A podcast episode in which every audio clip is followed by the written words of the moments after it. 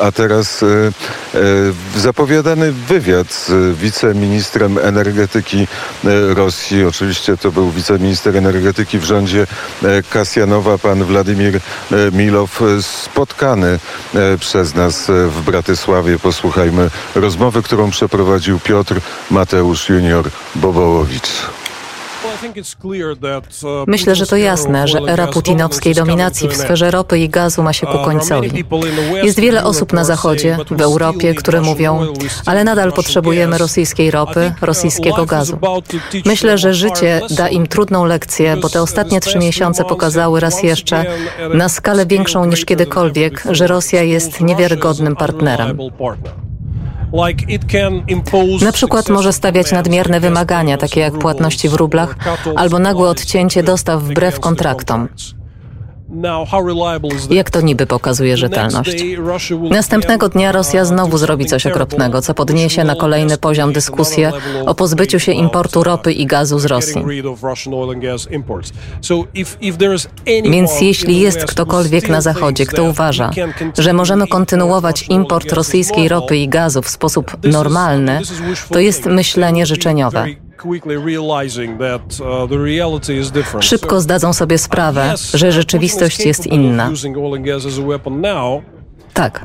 Putin jest w stanie używać rosyjskiej ropy i gaz jako broni teraz, ale myślę, że ta wojna kompletnie zmieniła sytuację. Nawet wielu polityków i ekspertów, którzy argumentowali za kontynuowaniem importu rosyjskiej ropy i gazu, zmienia teraz zdanie.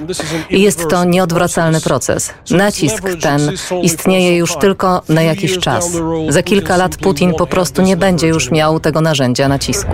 Niektórzy mówią, że Rosja sama na siebie nakłada sankcje, odcinając gaz, żądając zapłaty w rublach. Pana opinia? Zgadzam się. Uważam, że odcięcie dostaw do państw, które nie zgadzają się na płacenie w rublach, jak Polska, Bułgaria, Finlandia, Holandia, działa jako ważne ostrzeżenie dla innych konsumentów, że Rosja może jednostronnie odciąć dostawy, jeśli zachodni konsumenci nie spełnią jakichś kolejnych żądań, które narzuci Rosja. Teraz wymagają płatności w rublach. Kto wie, jakie będzie kolejne szalone żądanie.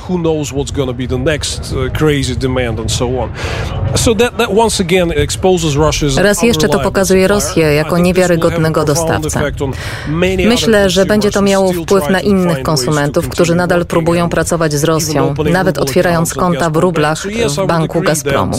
Więc tak, zgadzam się, że takie lekkomyślne działania są porównywalne z nakładaniem sankcji na samego siebie. A czy uważa pan, że te sankcje wyniszczą Rosję, wyniszczą rosyjską gospodarkę? Oczywiście szkodzą jej teraz w szerokim zakresie.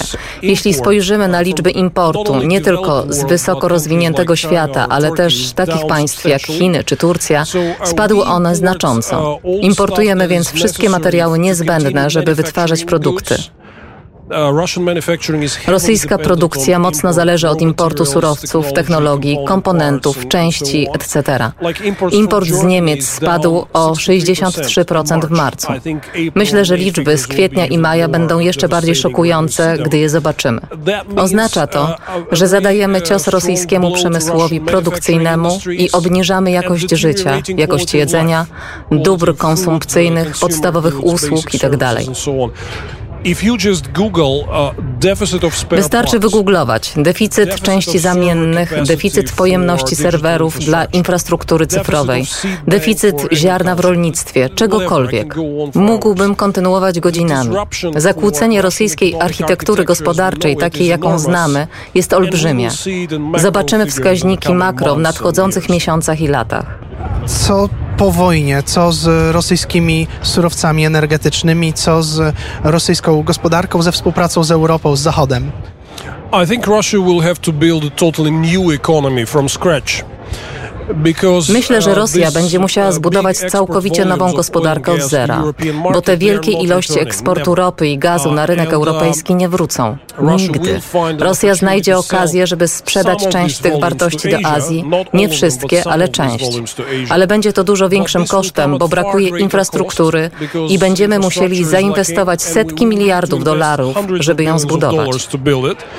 Plus, uh, Ponadto konsumenci w Chinach i Indiach to inteligentni i pragmatyczni ludzie i widzą, w jakich kłopotach się znaleźliśmy. Więc zażądają, już żądają bardzo poważnych zniżek. Dostaniemy więc mniej pieniędzy i będziemy musieli wydać dużo więcej na infrastrukturę, więc zyski będą znikome. Nic w porównaniu z tym, co dostajemy z Europy. Będziemy musieli więc zbudować nową ekonomię opartą na czymś kompletnie innym, nie ropie i gazie, żeby się utrzymać. Rosja bez Putina? Oczywiście, Rosja bez Putina. Nie jest pan pierwszym, e, pierwszym członkiem rządu Michaiła Kasjanowa, z którym jako Radio Wnet mamy okazję rozmawiać. Niedawno rozmawiali, rozmawialiśmy z Władimirem Ponomariowem. E, Czy wielu członków rządu Kasjanowa jest gdzieś na uchodźstwie, jest teraz dysydentami politycznymi? Nie śledzę ich wszystkich, ale rząd Kasjanowa był bardzo reformistyczny i sam Kasjanow został wyrzucony w późniejszym stadium pierwszej kadencji Putina za krytykę aresztowania Michaiła Chodorkowskiego. To były inne czasy. Gdy Kasjanow był premierem, był to okres zorientowany na reformy, zorientowany na przyszłość. Putin się tego pozbył. Pozbył się nadziei na reformy, na to, że Rosja będzie normalnym krajem w pokoju ze wszystkimi, rozwijającym swoją gospodarkę itd. Nie jest więc niespodzianką, że wiele osób, które pracowały wtedy nad dużymi reformami, jest dzisiaj w opozycji i na uchodźstwie. To naturalne. Okay, thank you very much. Thank you so much. Dziękuję.